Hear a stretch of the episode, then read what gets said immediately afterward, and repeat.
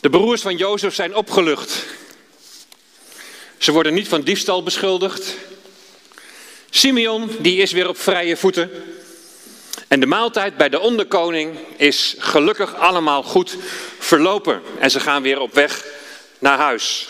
Benjamin kunnen ze weer veilig thuisbrengen bij vader Jacob. En dan doet Jozef het volgende. En we gaan lezen Genesis 44 vanaf vers 1. Jozef die gebood degene die over zijn huis ging, vul de zakken van deze mannen met voedsel, zoveel als ze kunnen dragen, en stop ieders geld boven in zijn zak. En mijn beker, de zilveren beker, moet u boven in de zak van de jongste leggen, samen met het geld voor zijn koren. Hij handelde in overeenstemming met de woorden van Jozef die hij gesproken had. S'morgens, toen het licht werd, liet men de mannen gaan, hen en hun ezels. Ze waren de stad uitgegaan en nog niet ver gekomen toen Jozef tegen hem, die over zijn huis ging, zei: Sta op en achtervolg deze mannen. Als u ze ingehaald hebt, moet u tegen hen zeggen: Waarom hebt u kwaad voor goed vergolden? Is dit niet de beker waaruit mijn Heer drinkt en waarmee hij dingen met zekerheid kan waarnemen? U hebt slecht gehandeld met wat u gedaan hebt. En hij haalde hen in en sprak deze woorden tot hen. En ze zeiden tegen hem: Waarom spreekt mijn Heer zulke woorden? Er is geen sprake van dat uw dienaren zoiets zouden doen. Zie, het geld dat wij boven in onze zakken vonden, hebben wij uit het land Canaan naar u teruggebracht. Waarom zouden we dan zilver of goud stelen uit het huis van uw Heer? Degene van uw dienaren bij wie de beker gevonden wordt, moet sterven. Bovendien zullen wij dan zelf slaven van mijn Heer worden. En daarop zei hij: Wel nu dan, overeenkomstig uw woorden, zo zal het zijn. Degene bij wie hij gevonden wordt, zal mijn slaaf zijn, terwijl u onschuldig zult zijn. Ze haasten zich en ieder zette zijn zak op de grond en ieder opende zijn zak. En hij doorzocht ze, beginnend bij de oudste en eindigend bij de jongste. En de beker werd gevonden in de zak van Benjamin. En toen scheurden ze hun kleren. Ieder laadde alles weer op zijn ezel en ze keerden terug naar de stad. En Juda kwam met zijn broers in het huis van Jozef, die daar nog aanwezig was, en zij wierpen zich voor hem op de grond. En Jozef die zei tegen hen, wat is dit voor daad dat u hebt verricht? Weet u niet dat een man als ik zoiets met zekerheid kan waarnemen? En toen zei Juda, wat zullen we tegen mijn Heer zeggen? Wat zullen wij spreken? Waarmee kunnen wij ons rechtvaardigen? God heeft de misdaad van uw dienaren aan het licht gebracht. Zie, wij zullen slaven van mijn Heer zijn, zowel wij als bij hij bij wie de beker gevonden is. Maar hij zei, er is geen sprake van dat ik zoiets zou doen. De man bij wie, de beker gevonden is, die zal mijn slaaf zijn, maar u trek in vrede naar uw vader. Uw dienaar heeft zich namelijk bij mijn vader borg gesteld voor die jongen, door te zeggen, als ik hem niet bij u terugbreng, dan sta ik alle dagen bij mijn vader in de schuld. En nu laat uw dienaar toch in plaats van deze jongen de slaaf van mijn heer blijven en laat de jongen met zijn broers gaan. Hoe zou ik immers bij mijn vader terug kunnen keren als de jongen niet bij mij is? Anders zou ik de ellende moeten zien die mijn vader zal treffen. Tot zover de eerste schriftlezing. Wat is Jozef toch aan het doen?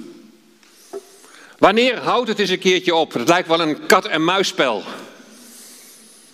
De vorige keer was het geld dat ze hadden betaald was teruggestopt in de zakken van de broers. Nu weer. Maar daarbij deze keer de beker van Jozef in de zak van Benjamin. Bij zijn broers, daar kun je je misschien nog wel wat voorstellen. Maar waarom wordt Benjamin het nu zo moeilijk gemaakt? Het is zijn geliefde, volle broer. Zijn broer die niets te maken had met dat hele putgebeuren. Hij heeft net als zijn vader heeft hij gerouwd om het verlies van Jozef. Wat is nou het doel van dit alles? En zijn er wellicht ook, net als de vorige keren, zijn er nou profetische lijnen te ontdekken? Zien we iets vergelijkbaars dat in de toekomst nog staat te gebeuren. Nou, vorige week toen ging het over het familiediner. Dat programma van de evangelische omroep, waarbij mensen die niet met elkaar omgaan, niet meer met elkaar omgaan, dat ze bij elkaar aan tafel worden genodigd. En Bert van Leeuwen die geeft dan vaak aan, hè, dit kan een eerste stap tot herstel zijn. Bij elkaar aan tafel de maaltijd nuttigen. Kijk, als er echt diep gewortelde problemen aan het conflict ten grondslag liggen, hè, dan los je dat niet zomaar even op met een etentje. Ik heb het programma in het verleden wel eens een paar keer gezien. En dan dacht ik bij bepaalde conflicten, jongens, dit gaat toch echt helemaal nergens over. Hoe is het mogelijk dat om deze reden mensen elkaar jaren niet hebben gezien? Misschien om het zetten van een verkeerd kopje koffie of ja, zeg, zulke onbenullige dingen kwamen voorbij. En waarom loopt het dan zo uit de hand? Nou, aan een diep gewortelde ruzie kunnen wel, maar ook aan een onbenullige ruzie, daar kunnen best wel persoonlijkheidsproblemen aan ten grondslag liggen, als afwijzing of jaloezie of achterdocht. En misschien kun je er zelf ook nog wel een paar bedenken. Nou, bij Jozef is het in ieder geval geen situatie die eigenlijk nergens over gaat. Het is een vreselijk iets wat zijn broers hem hebben aangedaan. Maar wat is nou ten diepste het probleem en waarom is het nou zo uit de hand gelopen? Stel dat Jozef in onze tijd in therapie zou gaan. Hij heeft natuurlijk wel wat te verwerken. En dan laat je Jozef eerst eens even rustig iets over zijn verleden vertellen. De situatie in zijn gezin. En je probeert dus te achterhalen van waar ligt eventueel een oorzaak? Waar komt die boosheid van zijn broers vandaan? Heeft het nou met die verschillende moeders te maken? Heeft het ermee te maken dat Jozef het lievelingetje is van zijn vader en bij alles voorgetrokken wordt? Niet dat dat dan rechtvaardigt dat ze Jozef in een put gooien en verkopen. De broers die blijven dader en Jozef slachtoffer. Maar je laat Jozef ook even eerlijk naar zichzelf kijken. Jozef, wat is nou jouw aandeel geweest in dit hele gebeuren? Heb je misschien ergens aanleiding voor gegeven? Was het wel zo handig om zo heel enthousiast over je dromen te vertellen? Of had je het beter voor jezelf kunnen houden? En maar Jozef, mag ik je eens even heel eerlijk vragen. Was je nou echt zo enthousiast over die droom? Of vond je het toch ook misschien wel een klein beetje mooi om toch je broers ook een klein beetje te vernederen? Jullie zullen voor mij buigen. En weet je, dat zelfinzicht is niet bedoeld om, om het slachtoffer nog eens even een trap na te geven. Want je blijft benadrukken, de broers, die zijn de daders. Maar je moet ook weer verder. En misschien zijn er patronen in je leven, in je denken, in je handelen, die je beter zou kunnen veranderen om in de toekomst ja, problemen te voorkomen. En gaandeweg in de therapie zal ook een keertje het thema vergeving voorbij komen. Vergeving is van belang om zelf in de vrijheid te komen. En vergeving is van belang om die ander in de vrijheid te zetten. En dat is soms heel eenvoudig. Maar heel vaak is dat ontzettend ingewikkeld. Vraagt die ander om vergeving? Heeft die ander oprecht berouw van wat jou is aangedaan? Is er überhaupt nog wel contact? Leeft de dader nog? Of leven de daders nog in het geval van Jozef? Jozef had geen idee. En moet hij dan op zoek? Maar er was nog weinig mogelijkheid voor geweest. Als je als slaaf in Egypte bent, nog een tijd in de gevangenis hebt gezeten en nu zo'n grote verantwoordelijkheid krijgt om het volk van voedsel te voorzien. Maar dan is het op een wonderlijke wijze dat de Heere God Jozef en zijn broers bij elkaar brengt. En ik heb vaker zulke getuigenissen gehoord van mensen die in conflict met elkaar leven, geen oplossing weten, elkaar misschien al heel lang niet hebben gezien. En dat ze op een hele wonderlijke manier, toch op de een of andere manier, elkaar ergens tegenkomen of op elkaars pad komen. Dat je denkt, ja, maar dit is van boven geregisseerd. Een familieidee is een, is een goed idee, maar het is een eerste stap. En je praat in ieder geval weer met elkaar. En hopelijk luister je ook heel goed naar elkaar. Vaak is het ook verstandig om er iemand bij te hebben die een beetje neutraal is. Die in staat is om de woorden die gesproken worden, om die woorden te wegen en ze in het juiste perspectief te zetten. Want er komt vaak zoveel emotie bij kijken en begrijpelijk.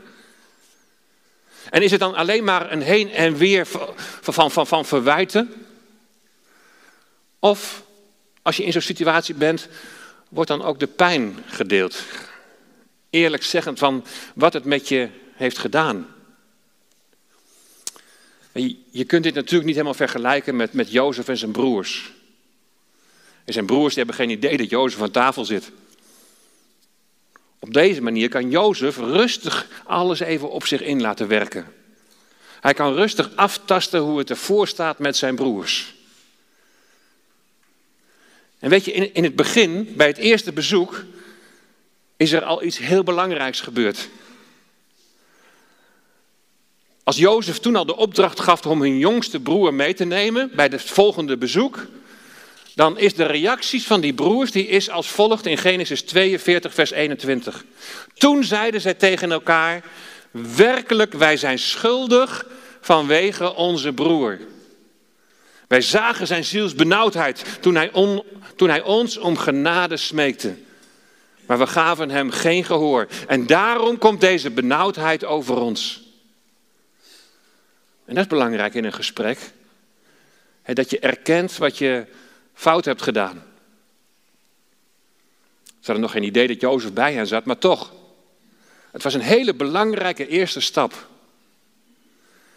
En dan bij dat beleiden van wat je gedaan hebt, dat fout gegaan is, dan niet direct daarachteraan een jaar maar, die Jozef en, en onze vader. nee, niet ja maar, niet zeggen van Jozef, die gaf ook wel de aanleiding. Nee, je houdt het heel dicht bij jezelf. Hoewel zijn broers dit niet rechtstreeks tegen Jozef zeggen. En ze geen idee hebben dat hij dit hoort, moet dit denk ik toch echt iets met Jozef hebben gedaan. Dan kun je je toch voorstellen dat er ook voor Jozef een basis is om zijn broers niet direct af te wijzen. Maar verder te gaan in dit proces van mogelijk herstel. En hij gaat zijn broers beproeven. Je zou je de vraag kunnen stellen, ja, is hij nou op deze manier wel een type van de Heer Jezus, een voorafschaduwing van Hem? Had hij zich niet direct bekend moeten maken naar deze bekentenis? Maar is dat verstandig? Het is de vraag bij de broers of deze bekentenis ook betekent dat er sprake is van een bekering in het hart. Of is hier alleen maar sprake van, van bang zijn voor de gevolgen van wat je lang geleden hebt gedaan en daardoor je misdaad maar bekennen? Of is hier sprake van een echte hartsverandering? Is er echt sprake van oprecht berouw? En Jozef die besluit de proef op de som te nemen. En je kunt heel oppervlakkig tegen elkaar zeggen, nou oké, we zitten met elkaar aan tafel zand erover. Maar wat betekent dat dan als dat heel oppervlakkig gebeurt? Wat betekent dat dan voor de toekomstige omgang met elkaar? Blijft dat dan net zo oppervlakkig als dat het schijnbaar is opgelost? Is het elkaar alleen weer goede dag zeggen dan voldoende? Of wil je echt gaan voor die hernieuwde hartsrelatie? Nou, wat Jozef betreft is het wel duidelijk waar hij voor gaat. Wat Jezus betreft in relatie tot het volk Israël geldt hetzelfde. Ook hij gaat voor die hartsrelatie. Niet alleen maar oppervlakkig elkaar weer goede dag zeggen en het daarmee als afgehandeld beschouwen. Maar als dat verlangen er is, als dat hartsverlangen er is, dan wil je natuurlijk ook graag weten hoe dat bij die ander zit. Is bij die ander ook datzelfde verlangen? En daarom stelt Jozef zijn broers op de proef. Maar waarom dan nu Benjamin? Hij heeft toch niets misdaan? Hij was er toch niet bij toen zijn broers Jozef in de put gooiden? Nou, ze zijn nog maar net vertrokken van de heerlijke maaltijd. Ze gaan vol goede moed op weg naar huis. En dan worden ze tot stilstand gebracht. En de broers die zijn heel zeker van hun zaak. Bij wie de beker gevonden wordt, die moet sterven. En wij zullen slaaf van mijn Heer worden. als de beker dan gevonden wordt in de, in de zak van Benjamin, dan scheuren ze hun kleren. En het scheuren van de kleren is het teken van rouw. Er is diepe rouw. Wat gebeurt ons nu? Dat is de reactie van de broers van Jozef. Weet je, niet Benjamin wordt hier op de proef gesteld, maar de broers die worden op de proef gesteld. Ze hebben destijds Jozef verkocht, maar hoe gaan ze nu om met Benjamin? Jozef werd onschuldig verkocht en vader Jacob en Benjamin die scheurden hun kleren omdat ze dachten dat Jozef door een wild dier was verscheurd. En nu wordt Benjamin vals beschuldigd en het is de beurt aan de tien broers om hun kleren te scheuren. De geschiedenis draait zich om. En de vraag is, wat doen ze met Benjamin? Juda, die had destijds het plan bedacht om Jozef te verkopen. Wat doet Juda nu met Benjamin? Hij heeft zijn vader beloofd dat hij borg zal staan voor Benjamin. Voor Benjamin dreigt nu de doodstraf. Gaat Juda nu iets bedenken waarmee hij straks weg kan komen bij zijn vader als hij weer terugkomt?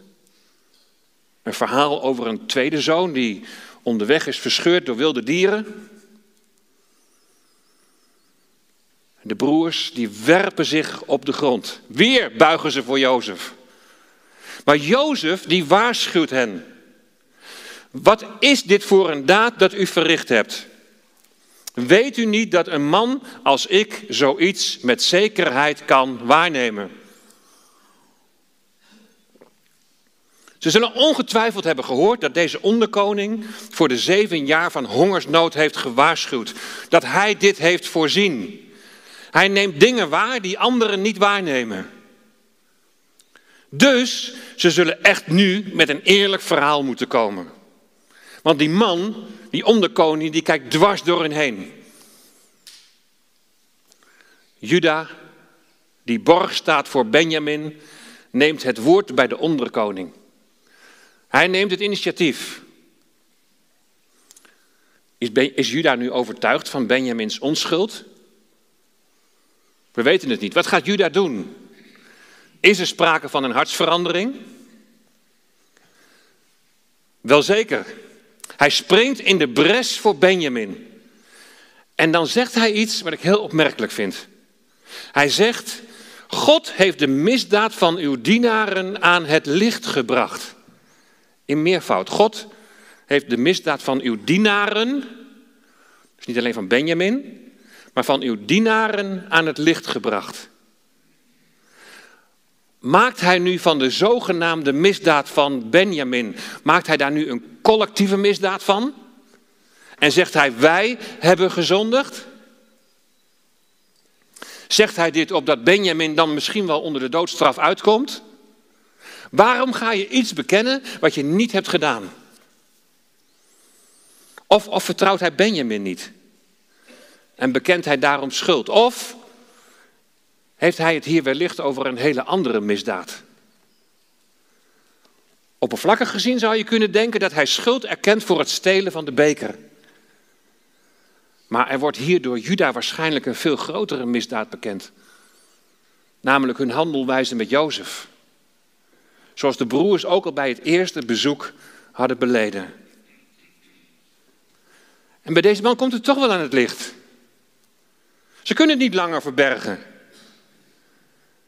Zoals bij God alles aan het licht komt. Zo komt bij Jozef alles aan het licht. Als je verder gaat lezen, dan ontdek je dat Jozef nu voor het eerst hoort wat er thuis gebeurd is toen zijn broers daar weer aankwamen, toen ze hem in de put hadden gegooid en verkocht. Voor Jozef wordt in deze toespraak heel veel geopenbaard. Hij hoort de officiële versie van zijn dood, dat hij verscheurd zou zijn door dieren. De reden waarom de broers zo lang wegbleven en hij hoort over de rouw en het verdriet van Jacob. Maar bovenal merkt hij een enorme gedragsverandering bij zijn broers. Ze zijn veranderd van haatdragend naar volkomen solidair. Van zelfgericht en jaloers naar volkomen opofferingsgezind. Zelfs de voorkeur van vader Jacob voor Rachel en haar kinderen, dat wordt door Juda nu als argument aangevoerd voor zijn zelfopoffering. Er klinkt geen enkel verwijt daarin door. Juda is bereid om de plaats van Benjamin in te nemen. Jaren geleden kon Juda koelbloedig zijn broeder Jozef in slavernij verkopen. Maar nu is hij bereid om zelf in slavernij te gaan, om zijn andere broer daaruit te verlossen. Een gigantische hartsverandering. En wat er dan gebeurt, dat heeft een reactie, die hartsverandering. Wat er dan gebeurt, lezen we in Genesis 45. De onthulling. De openbaring wie Jozef is. Toen kon Jozef zich niet meer bedwingen. Voor allen die bij hem stonden en hij riep, laat ieder van mij weggaan. Er stond niemand bij hem. En toen Jozef zich aan zijn broers bekend maakte, hij, luidde, hij huilde zo luid dat de Egyptenaren en het huis van de farao het hoorden. En Jozef zei tegen zijn broers, ik ben Jozef. Leeft mijn vader nog? Maar zijn broers waren niet in staat om hem antwoord te geven. Want ze waren door schrik voor hem overmand. En Jozef zei tegen zijn broers: Kom dichterbij. En ze kwamen dichterbij. Toen zei hij: Ik ben Jozef, jullie broer, die jullie naar Egypte verkocht hebben. Maar nu, wees niet bedroefd. En laat jullie ogen niet in toren ontvlammen, omdat jullie mij hier naartoe hebben verkocht. Want God heeft mij voor jullie uitgezonden tot behoud van jullie leven. En toen viel hij zijn broeder Benjamin om de hals en huilde. En ook Benjamin huilde terwijl hij hem omhelsde. En vervolgens kuste hij al zijn broers en hij huilde met hen. En daarna durfden zijn broers met hem te spreken. Wat een climax. En wat een emotie. En je zou wensen dat ieder conflict zo afloopt. Maar het heeft dus alles met hartsverandering te maken. Met een keuze van het hart. Jozef staat daar oog in oog met zijn eigen broers. En nu hoeft hij zijn eigen emoties niet langer te bedwingen. Een man mag ook huilen. Het geluid van zijn geween dringt zelfs door de gesloten deuren heen en wordt door de Egyptenaren gehoord. En dan roept hij het uit: Ik ben Jozef, uw broer. Nou, je kunt je voorstellen dat, dat die broers zich wezenloos schrikken. Ze weten wat ze hebben gedaan en hun slachtoffer is nu machthebber over hen. Wat gaat er nu gebeuren? Maar dan zegt Jozef, kom dichterbij. Kom dichterbij. Geen oppervlakkige oplossing van het conflict. Niet alleen maar weer goedendag zeggen, maar dichterbij komen. Elkaar in de armen vallen. Elkaar kussen. Wat een ontknoping. Aan het begin van deze serie over Jozef zei ik al dat het verhaal van Jozef net een roman is. Als je begint te lezen, dan, dan kun je het boek haast niet meer wegleggen. En aan het einde van het verhaal een diepe zucht. En iedere keer weer als je het verhaal weer opnieuw leest en weer opnieuw hoort. Tenminste, ja, inderdaad, het raakt mij ook. Even, even de grote lijn. Jozef droomt dat zijn broers ooit voor hem zullen buigen. Juda, die later het tweestammenrijk zal zijn. Juda, die verlaat het ouderlijk huis. Maar keert, daarna keert hij weer terug. Zoals het volk het ouderlijk huis heeft verlaten, in ballingschap ging en later weer terugkeerde. Jozef wordt door lijden heen verhoogd de put, de gevangenis, onderkoning op de troon. Vader Jacob en zijn zonen gaan door verdrukking heen, een tijd van benauwdheid. Ze moeten leren en ontdekken dat ze voor hun redding niet kunnen betalen. Maar dat ze die redding, dat ze die om niet ontvangen. Het geld lag weer terug in de zakken van de broers. Ze worden keer op keer beproefd. En dan is daar die openbaring. Ik ben Jozef. En zien we hier niet de geschiedenis van Israël? We hebben in deze serie van 14 preken in het leven van Jozef allerlei lijnen van Gods verlossingsplan gezien. Dat zich steeds verder en verder en verder ontwikkelt. Tot die grote onthulling gaat komen. Een onthulling die er ook straks in de toekomst zal zijn. Dan zal het volk Israël zal horen. Ik ben jullie Messias. Ik ben Yeshua. De ware Jozef komt weer. Hij zelf heeft het voorzegd dat elk oog hem zal zien. Ook degene die hem doorstoken hebben. En alle geslachten der aarde zullen over hem rouw bedrijven. De kleren zullen worden, bij wijze van spreken, worden gescheurd. Openbaring 1, vers 7. Toen de Heer Jezus voor de tweede keer aan zijn discipelen verscheen en Thomas zijn vinger op de tekenen van zijn wonden kon leggen, toen viel hij aan zijn voeten en toen riep hij, mijn Heere en mijn God. Zo zal Israël bij Jezus' wederkomst, zullen ze zijn wonden zien. Zich aan zijn voeten nederwerpen. Aan de voeten van hun broeder. En ze zullen het uitroepen, mijn Heere en mijn God. Er zal eerst nog beproeving zijn. Een tijd van Jacobs benauwdheid. Er zal strijd zijn. En de Heer, zo kunnen we lezen in het woord van God, zal strijden tegen de heidevolken die zullen optrekken tegen Jeruzalem. In Ezekiel 38 kun je lezen dat volkeren uit het noorden zullen optrekken. En de namen van volkeren die daar worden genoemd, die kun je linken naar Rusland, Turkije, Syrië, Iran. Maar de ik ben, die verschijnt dan op de Olijfberg. De berg zal in tweeën splijten en zo zal er een vluchtweg zijn. De Messias die zich ontfermt over zijn volk. Kom dichtbij. Hij die zijn volk zal omarmen. Een rest uit het volk zal tot bekering komen en zo zal gans Israël behouden worden.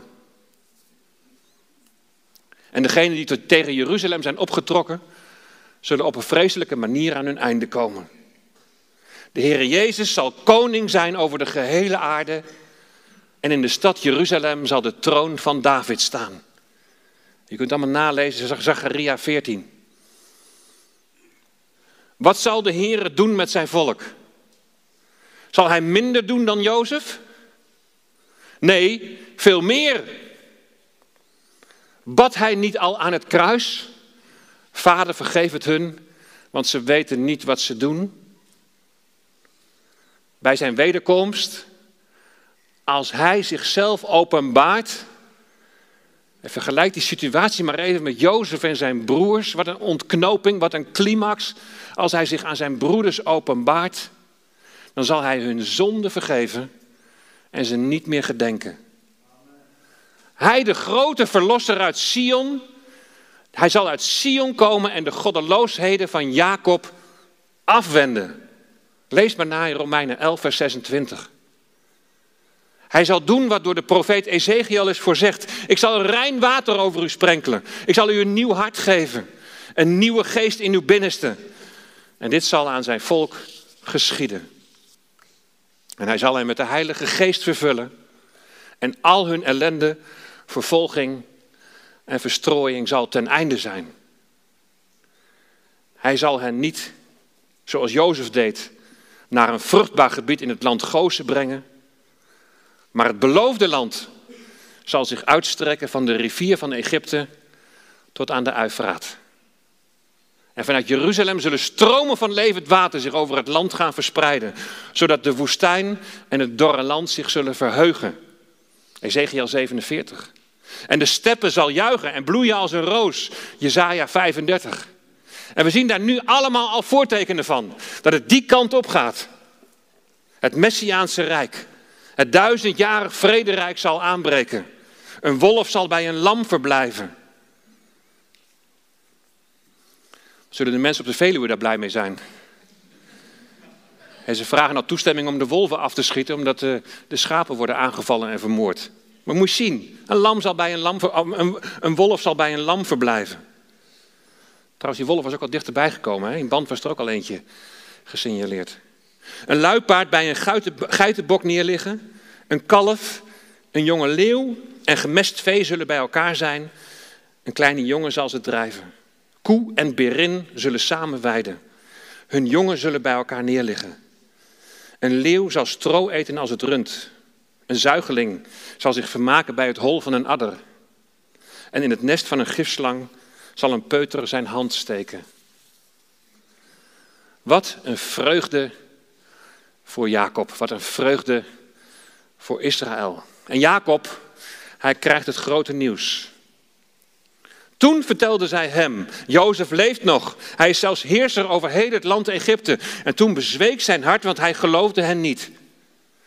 Maar toen ze hem alle woorden overgebracht hadden die Jozef tot hen gesproken had, en toen hij de wagen zag die Jozef gestuurd had om hem te vervoeren, leefde de geest van hun vader Jacob op. En Israël zei: Genoeg, mijn zoon leeft nog en ik zal gaan. En ik wil hem zien voordat ik sterf. Jozef leeft. Jezus leeft. En de Heere zal overwinnaar zijn en het volk zal in vrede met hem leven. En mijn vraag aan jou is, leef jij al in vrede met hem? Je kunt daar niet voor betalen, hebben we gezien. Je kunt er helemaal niets voor doen dan alleen je knieën te buigen en God te danken voor het offer van zijn zoon. Hem te danken voor zijn genade. Een hartsrelatie met de Heere God door de Heer Jezus Christus, zijn zoon.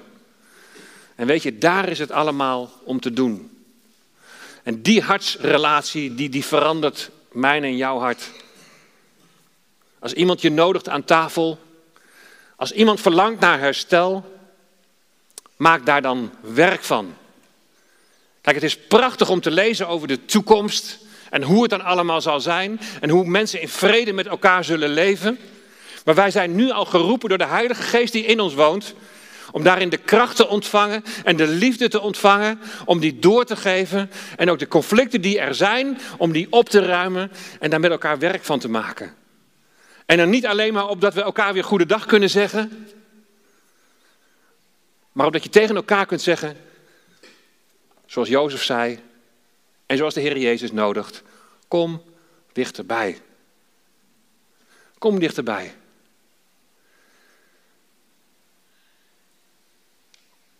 Kom maar dichterbij.